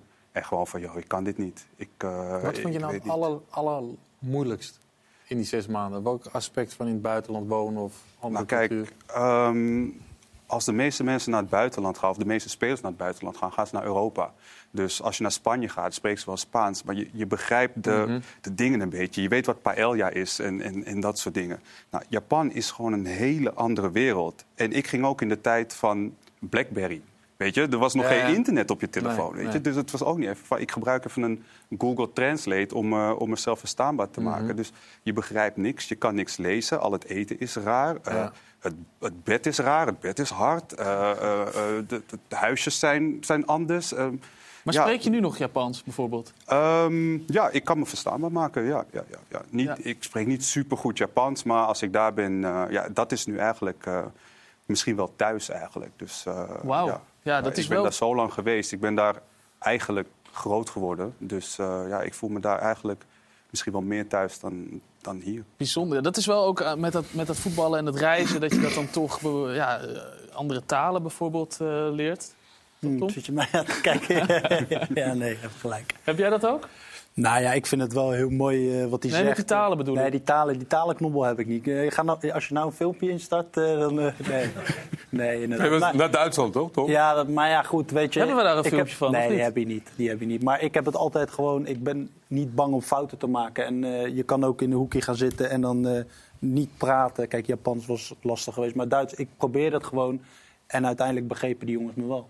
Ja. En wat zei je dan zoal? Nou ja, ik, ik, ik probeerde het gewoon. En, en ze zien aan mijn gezicht wel of ik boos ben of blij ben. En of tegen fans bijvoorbeeld, wat zei je daar tegen?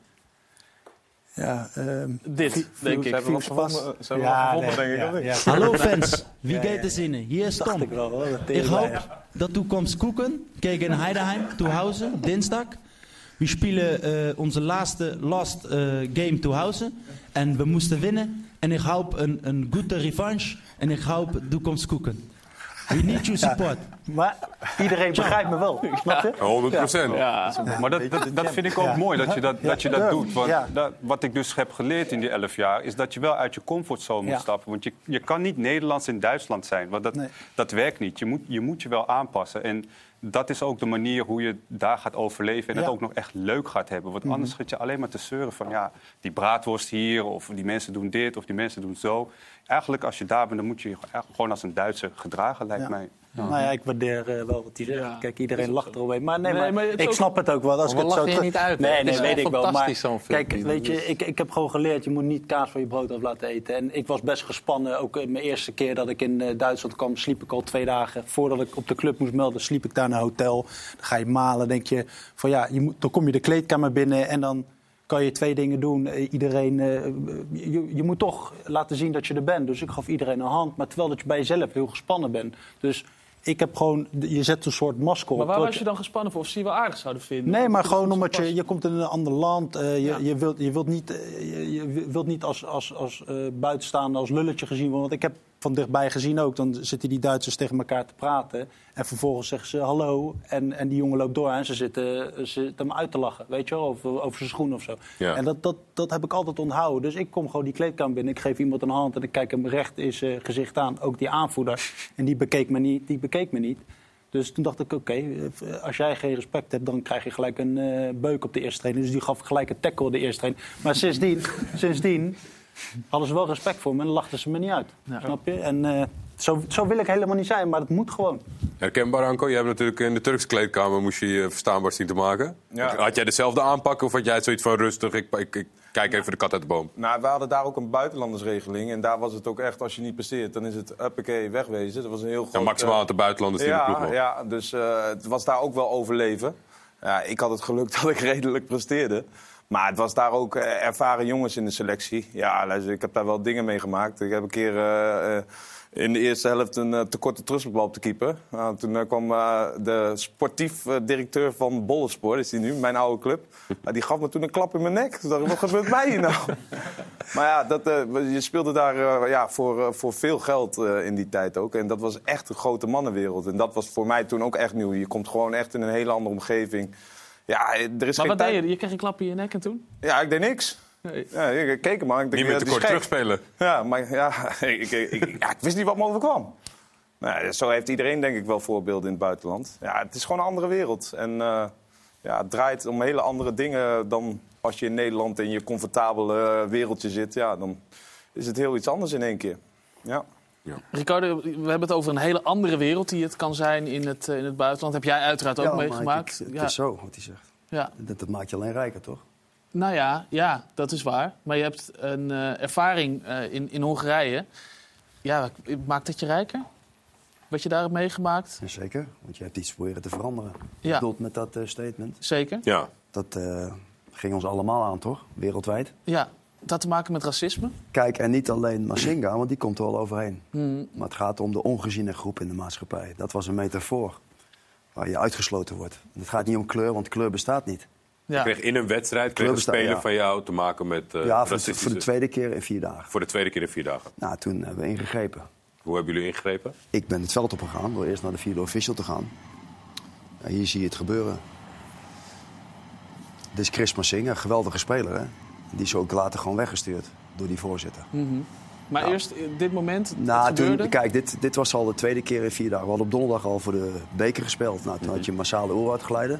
Heb ik hem tot rust gemaand. En toen heb ik de groep voorbereid. Als het nog een keer gebeurt, dan, dan grijp ik in. Nou, dat is hier gebeurd. Je gaat van het veld af. Wij gaan het veld af. Maar wat er dan gebeurt, door van, van ons boven, dat weten jullie niet.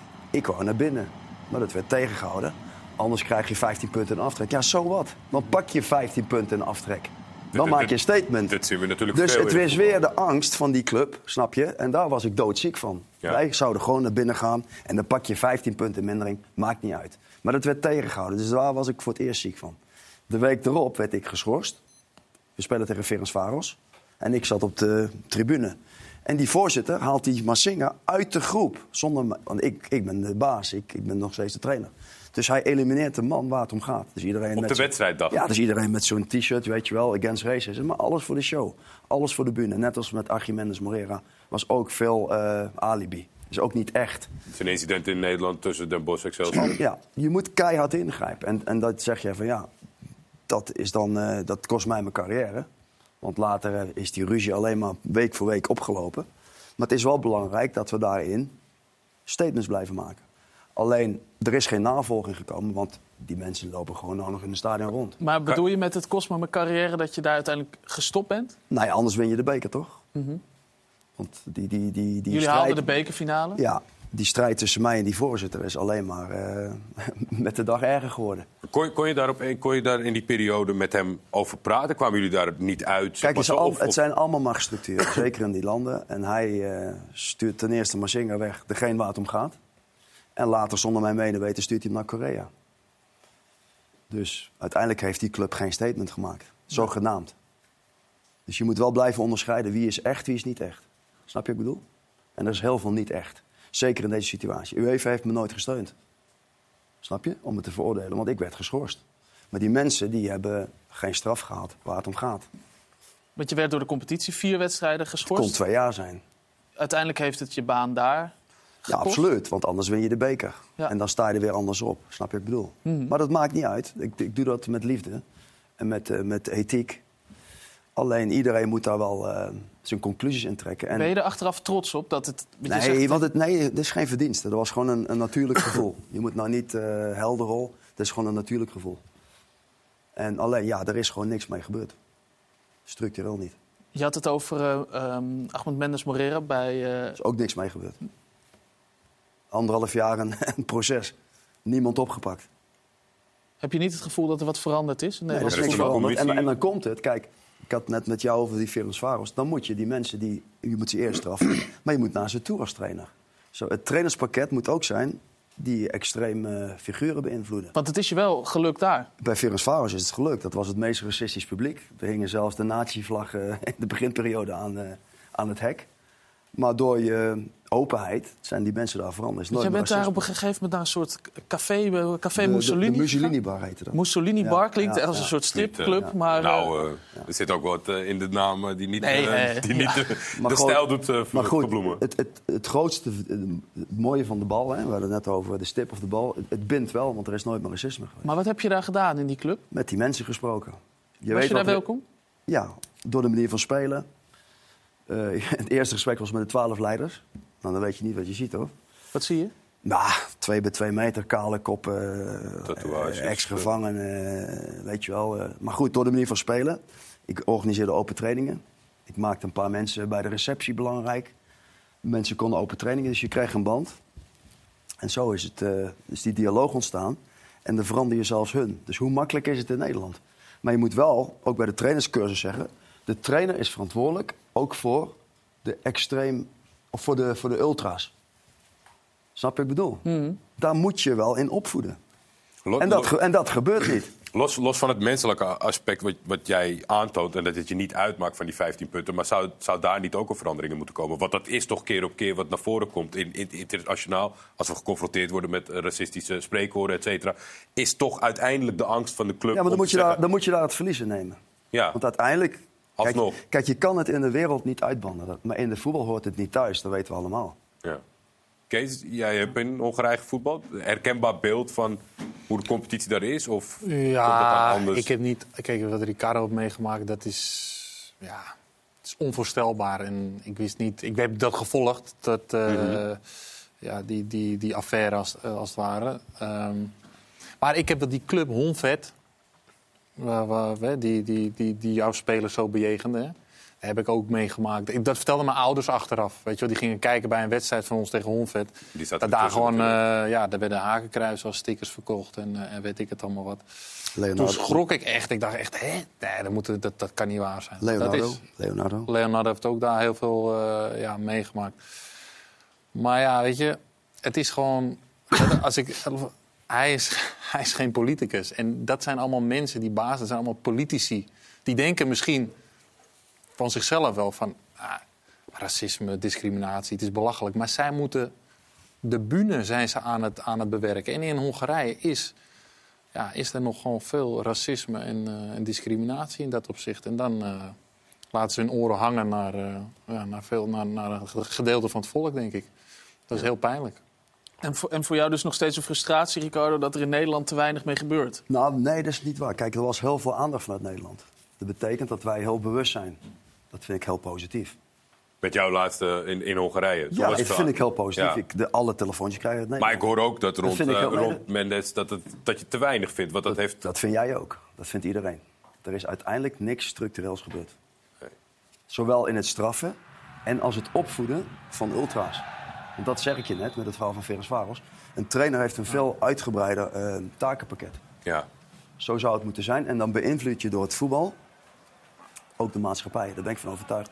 Is ook Curvers een eh, idealisme. Ricardo, Ricardo, een trainer kan toch niet eh, ultra's gaan opvoeden? Dat is, dat, dat, ja, ik, ik, denk dat je, ik denk dat je Ja, daar ja, toch- Wat u heeft gedaan, alle respect. Ja, ik ja, ik ja, vind het ja. heel knap. Nee, maar Anko, ik denk dat je da- daar wel de dialoog mee aan kunt gaan. Maar het kan een trainer zijn, het kan Absoluut. een technisch Ja, directeur ik- zijn, het kan ik een algemeen directeur zijn. Maar net wie het... eh, Ik bedoel, voor een trainer leidt dat toch enorm af. Laten we zorgen dat die lekker technische gebeuren... Ja, maar als, als er niks gebeurt, moet je toch Ja. doorveranderen. Nee, maar dat is toch een taak van directie dan? Maar die gaan dat niet doen hoor. dan. Ik denk dat een trainer veel meer Nee, veel oké, dichter, daar. Maar in Nederland, staat. in Nederland moet dat toch kunnen? Directies allemaal bij elkaar en maak nou eens een duidelijk plan. En gaat dan ook naleven. Ja, maar- Kijk, je hoeft niet te doen wat ik zeg. Ik geef je alleen een voorbeeld dat het bij Ferencvaros wel gelukt is. Ja. Ja, en jij denkt ook dat de impact van de trainer of een sterspeler veel meer is dan een directielid, zeg maar.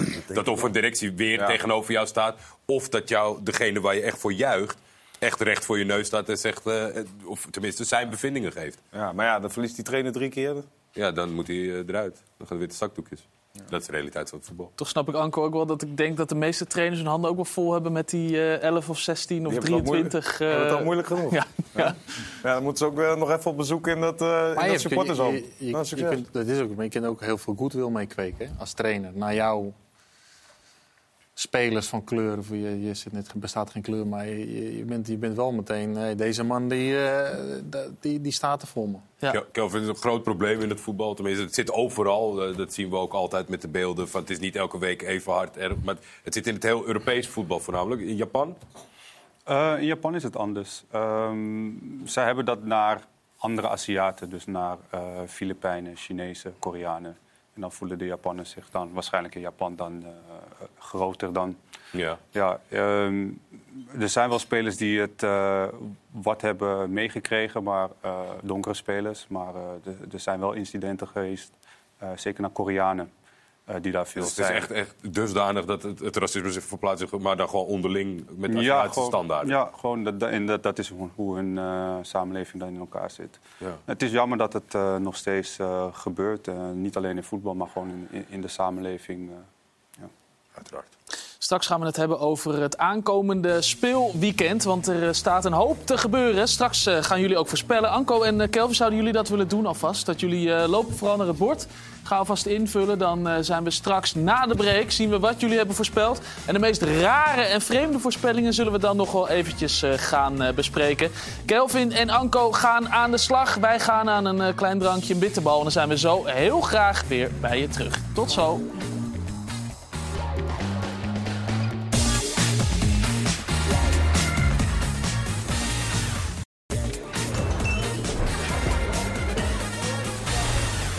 De voetbalkantine. De voorspellingen van eh, Anko en Kelvin staan inmiddels op het bord. Laten we ze eens even snel doornemen. De belangrijkste verschillen zijn toch die, eh, die wedstrijd van vanavond misschien wel. Go Ahead Eagles tegen eh, Fortuna. Niemand voor eh Go Ahead Eagles, die toch swingen onderhaken.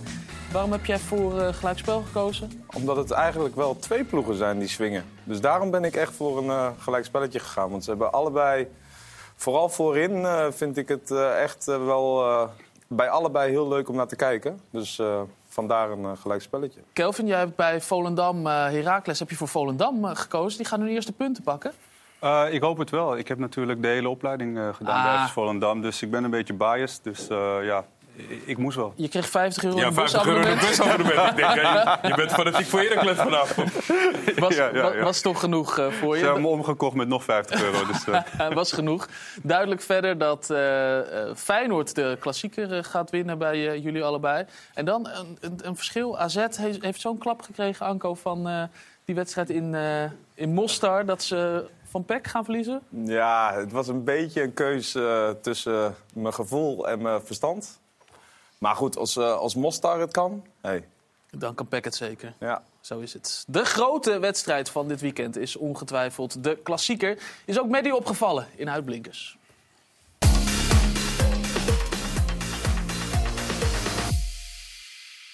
In het schaatsen hebben we de Elfstedentocht. In het fietsen de Ronde van Vlaanderen. In cricket The Ashes voor paarden, paleo. En in het roeien de Boat Race. En de ene is de andere niet. Nee, maar wel allemaal klassiekers. En dit weekend draait het maar om eentje. En deze keer gewoon op de tijd die bij de klassiekers hoort. Op zondag om half drie. Met Feyenoord als grote favoriet. Wie had dat een jaar geleden gedacht? Vorig seizoen won Ajax nog moeiteloos de eerste zes wedstrijden en leek op weg naar de zoveelste landstitel. Goeie bal. En Kudus. En nu dus de slechtste seizoenstart sinds 1964. Dat seizoen zou uiteindelijk het slechtste seizoen ooit worden van Ajax met een dertiende plaats van de 16 clubs. Telstar eindigde tiende in dat jaar. Maar het buurt van Johan Cruijff tijdens dat seizoen zorgt uiteindelijk toch ook voor lachende gezichten in Amsterdam. Lachende Ajaxiden zijn momenteel ver te zoeken. De enige Ajax die een lach op de gezichten brengt is een geboren Rotterdammer. Die wel altijd een big smile had. Obiku, nu doet hij het. En Feyenoord staat op 2-1 en de wedstrijd is dus afgelopen. En laat Mike Obiku nu aanstaande zondag jarig zijn. 55 wordt hij. Maar zoals jullie weten, zondag geen Feyenoord supporters in het stadion. Dus hij zit thuis met taart voor de buis. Ajax-supporters zijn er natuurlijk gewoon bij in de Johan Cruijff Arena. En zoals een wijze clown ooit zei, altijd blijf lachen. Want bij winst eh, van Ajax hebben ze evenveel verliespunten als hun vrienden uit Rotterdam-Zuid. Nou, dat dus eh, de grote wedstrijd eh, dit weekend. Te zien eh, half drie zondag, uiteraard bij ons natuurlijk. Vanavond om kwart over zeven, voetbal op vrijdag, keukenkampioen-divisie. Het schakelkanaal begint om acht uur natuurlijk. Gaan we alle wedstrijden van vanavond zien. Dan Breda gaat het dan opnemen tegen Emmen. Zonder Peter Ribala, die al een tijdje weg is. Nou zat ik te denken, Ricardo. Zijn jullie misschien een beetje vergelijkbare types? eh, Nee, in de zin van bezeten zijn van Totaal niet. Van Want hij was, hij was tweede elftal trainer toen ik eh, hoofdtrainer was bij Red Bull. We zijn totaal anders. Ook in de zin van het bezeten zijn van voetbal. Je, je traint nog steeds elke dag voor jezelf om je techniek te onderhouden. Ja, mijn kracht. ja, en je en, kracht. En duurlopen. En duurlopen. Allebei gefocust op dat, op, dat, op dat fit zijn. Dat had hij natuurlijk ook. Ja. Maar Het is, toch- een, het is een vrij resolute nee. Doe het vanuit Nee, jouw maar de, perspectief. ik, van- de combinatie met Ton Lokhoff had... We hebben het net over het mixen van eh, stijlen. Dat had ideaal kunnen zijn. Ja. Hè, het oogdruk zetten, twee tegen één creëren. De, de Red Bull-principes. Met Ton zijn eh, ja, Nederlandse denken. Het zou een ideale mix kunnen zijn. Het is jammer dat het niet doorgegaan is. Maar even nog over die, die vergelijking. Je zegt al meteen, wij zijn absoluut niet dezelfde eh, types. Waarom is het dan, denk je, misgegaan bij, bij NAC en eh, met die Ik denk wel dat er overigens iets is, hoor. Als ik mag ik... eh, Ja, zeg maar. Ik denk dat jullie beiden vrij compromisloos zijn. Of, eh, ik, dit is ook een vraag, hè. Ik denk het. Ja, oké. Kijk, vanuit de pressingsprincipes, daar, daar kan ik wel in meegaan. Daar ben ik ook wel voorstander van. Snap je? Het hoogdruk zetten, sprintcapaciteit. Meer doen dan de tegenstander, harder trainen dan de concurrentie. Daar kan ik al een stukje meegaan. Maar als persoon zijn we wel anders. Nee, ik ken hem. Ja, je kent hem en, Ja. en over het persoonlijke. Maar ook als je kijkt naar het aantal clubs. eh, bijvoorbeeld bij je laatste club in Kroatië heeft het ook een aantal weken geduurd. Dat kan ook door dat compromisloze wat, Ja. wat Kees ook al aanhaalt. M- Misschien wel, maar ik vind het voor NAC jammer dat de combinatie niet gelukt is. Het gaat nou even niet om mij. Het had een ideale mix kunnen zijn, omdat ik Lokhoff ook ken uit de tijd van Stevens. Hè? Mhm. Bij Red Bull. Het is toch heel jammer dat het niet doorgegaan is. Want het is wel de stijl waar NAC naartoe moet. Ja, Het opportunisme, het druk zetten. En waar ze bij NAC heel erg fan van zijn. Ze waren eigenlijk Ja. heel blij met de spelmanier. Maar niet dus met alle, alles wat er aan de andere kant ja, eh, maar gebeurt. dat vind ik wel doodzonde ook voor hem.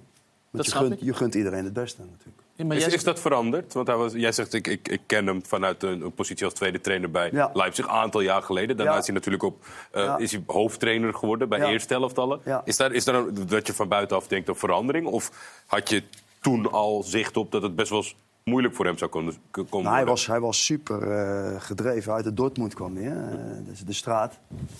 Dat hij zo ver kwam, dat heb ik niet verwacht op dat moment. Zo snel. Maar dat hij te snel wegging, ja, absoluut. Dat is eh, ook niet goed. Nee. Te snel op eigen benen gaan staan bij een eerste helftal. Dat weet ik niet. Dat weet ik niet. Hij heeft het ook een aantal keren goed gedaan. Maar ehm, ik weet niet waar de, de confrontatie is geweest. Was het met de spelers? Help me even. Want ik Ja. Was het met de spelers? Onder andere. Maar Werkvloer. Werkvloer, al- Staf, geheel. eh, en, en ook een beetje... Ja, nou ja, goed. Dan moet je ook wel respect vertonen. En eh, het was wel altijd een man die op grenzen ging, ja. Mhm. Ja. Maar Zou- een goede, goede trainer, absoluut. Ja, ja, en ze zoeken naar zo'n type spel, eh, Kees. Zou Ricardo Moniz misschien eh, iets zijn voor NAC Breda? In combinatie met Lokhoff. Eh, nou ja, wat ik zeg... ehm, ik ben wel onder de indruk van wat Ricardo... dat- dat- ik heb heel veel respect, respect voor hem, wat hij allemaal vertelt vandaag. Maar als ik kijk naar NAC... en ze hebben hier Balla gehad... en dan ga je naar Ricardo Moniz... ik zou iets voor een... eh genual, ja, zeg dat een, eh, een, een, een lichtere versie eventjes kiezen. Je Ik denk gewoon dat- Maar dan krijg je niet wat ze nodig nee, hebben. Maar ik denk dat Ricardo gewoon een hele eh, heftige eh, trainer kan zijn. Voor, ook voor zijn spel heel veel eisend. En dat is heel goed. Maar deze selectie van NAC, die moet even, denk ik, eventjes adem gaan halen. En, eh, en ik denk als Ricardo er, eh, erin stapt, die laat ze nu geen ademhalen. Die gaat er vol op. Zie je kan dat ook zelf- goed zijn. zie je maar dat zelf ook zo, Ik Ricardo? denk... eh, Nee, ik zie dat niet zo. Ik heb ook heel veel respect voor hem. Kijk, je bent wel verplicht naar je huisstijl om een bepaalde manier van spelen. Ja, en dat is ook een bepaalde manier van fitheid. En... Ja, daar moet je compromisloos in zijn. En NAC moet voor zichzelf bepalen, wat willen wij van voetbal spelen? Nou, dat is bekend vanuit het verleden. Toen wij nog speelden, in de jaren 80, avondje NAC. Ja, dan ben je compleet vastgezet. Ja. Jouw voetbal een beetje. Ja, maar goed, dan ga je een kant op, eh daar ben ik niet voor gekomen. Nee? Maar zou, Tom mee. Zou je het niet leuk vinden? Ah, Alles is een eer om in Nederland te werken. Ik ga niet voor mijn plezier telkens met 20 koffers weg. Eh, maar alles moet een spontaan proces zijn, een, een natuurlijk proces. En hun weten zelf al wat ze willen.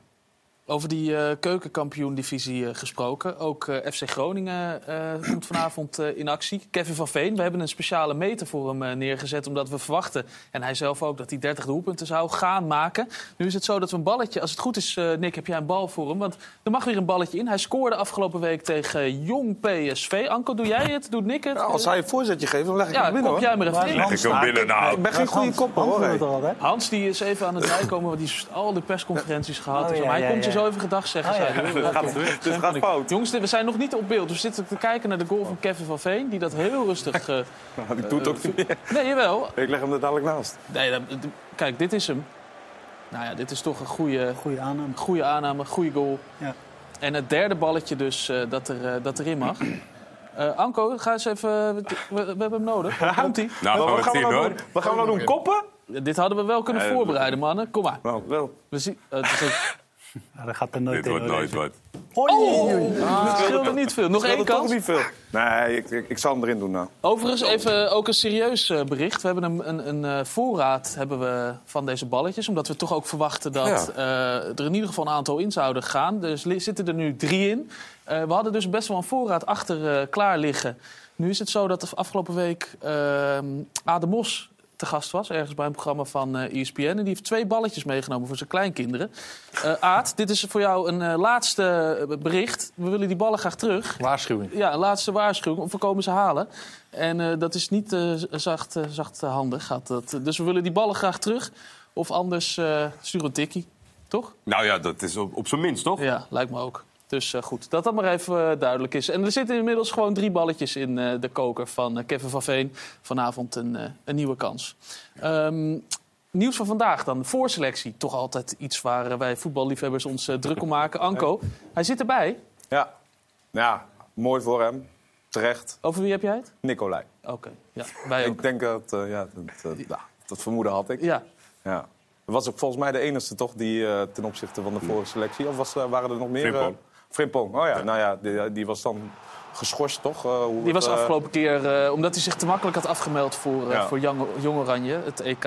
En nu zit hij, eh, zit hij er wel bij, bij de voorselectie. Hè? Goed, dus eh, het kan nog steeds alle kanten op. Maar Olij zit erbij, die ken jij natuurlijk ook goed, Tom. Nou, niet goed. Maar Die ken jij een beetje? Ja, die ken ik een klein beetje. Ja, de, de voorbereiding... ei- Nee, eh, ja, de voorbereiding bij Sparta heb ik nog met hem getraind. En eh, ja, daarna heeft hij dit seizoen... Ik hoorde bij NAC dat het al een fantastische keeper was. Maar eh, dat seizoen, vorig jaar dat ze vijfde werden... Dat is, ja, ik, ik volg Sparta op de voet. En, eh, Hoe heb je hem toen een hand gegeven, net als die aanvoerder toen in Duitsland? Nee, nee, nee. Omdat, omdat- omdat Nick gewoon een eh, respect een, ja, gewoon van normen en waarden is. Weet je? En eh, dat vind ik gewoon belangrijk. Hij En, keek je eh, in ieder geval aan. Ja, nou ja, kijk, weet je, het- je, je voelt zoiets toch. En, eh, eh, ik eh, heb hem leren kennen als een hele fijne kerel. En eh, daarna zag ik pas ja, hoe goede keeper het is. En dat heeft hij echt bewezen. Bij NAC kende ik hem niet als keeper. dus ja, super. Ga, je zegt voorselectie, maar dat is, dat is toch een droom. Wie had dat gedacht? eh, Ja, ook echt terecht hoor. Ja, dat, ik vind echt dat hij echt bizar constant al echt heel goed keept. Als je, als je, ik denk als je een compilatie maakt van al die reddingen die hij allemaal gemaakt heeft... dan weet je echt niet wat je ziet. Klinkt En alsof je vindt dat hij er eerder, misschien al eerder bij had moeten zitten... ten opzichte van de keepers die steeds geselecteerd werden. Nou ja, goed. eh, eh, ja, had wel gekund. Zeker. Maar ik snap het ook wel dat het niet gebeurd is. Maar zeker nu met de huidige status van, eh, van de keepers. Ja, vind ik wel dat hij minimaal een kans verdient. Ja, zeker. En die dat- krijgt hij dus nu bij in ieder geval de voorselectie. En misschien wel bij de echte selectie. Mannen, we zitten door de tijd heen. Ver zelfs. Dus we moeten echt gaan eh, afsluiten. Ricardo, heel erg bedankt. Succes met, eh, met alles. Kelvin, bedankt. Kees, we spreken elkaar. Anko, we zien elkaar. En Tom... Zie je volgende week? We zien je volgende week gewoon terug. Ja. We, we spreken af. Tom blijft hij net zo vaak terugkomen totdat hij een club Totdat heeft. hij een club heeft. Ja, ja, Dus. Excelsior, bel hem nou eh, gewoon. Hierna ESPN Vandaag. Daarna voetbal op vrijdag uiteraard met Twan. En Hans Kraaij junior. Die komt Tom nog even gedag eh, zeggen straks. Daarna weer ESPN Vandaag. En daarna 11 uur voetbalpraat. Dus je zit de hele vrijdagavond goed bij ESPN. Veel plezier. Dag.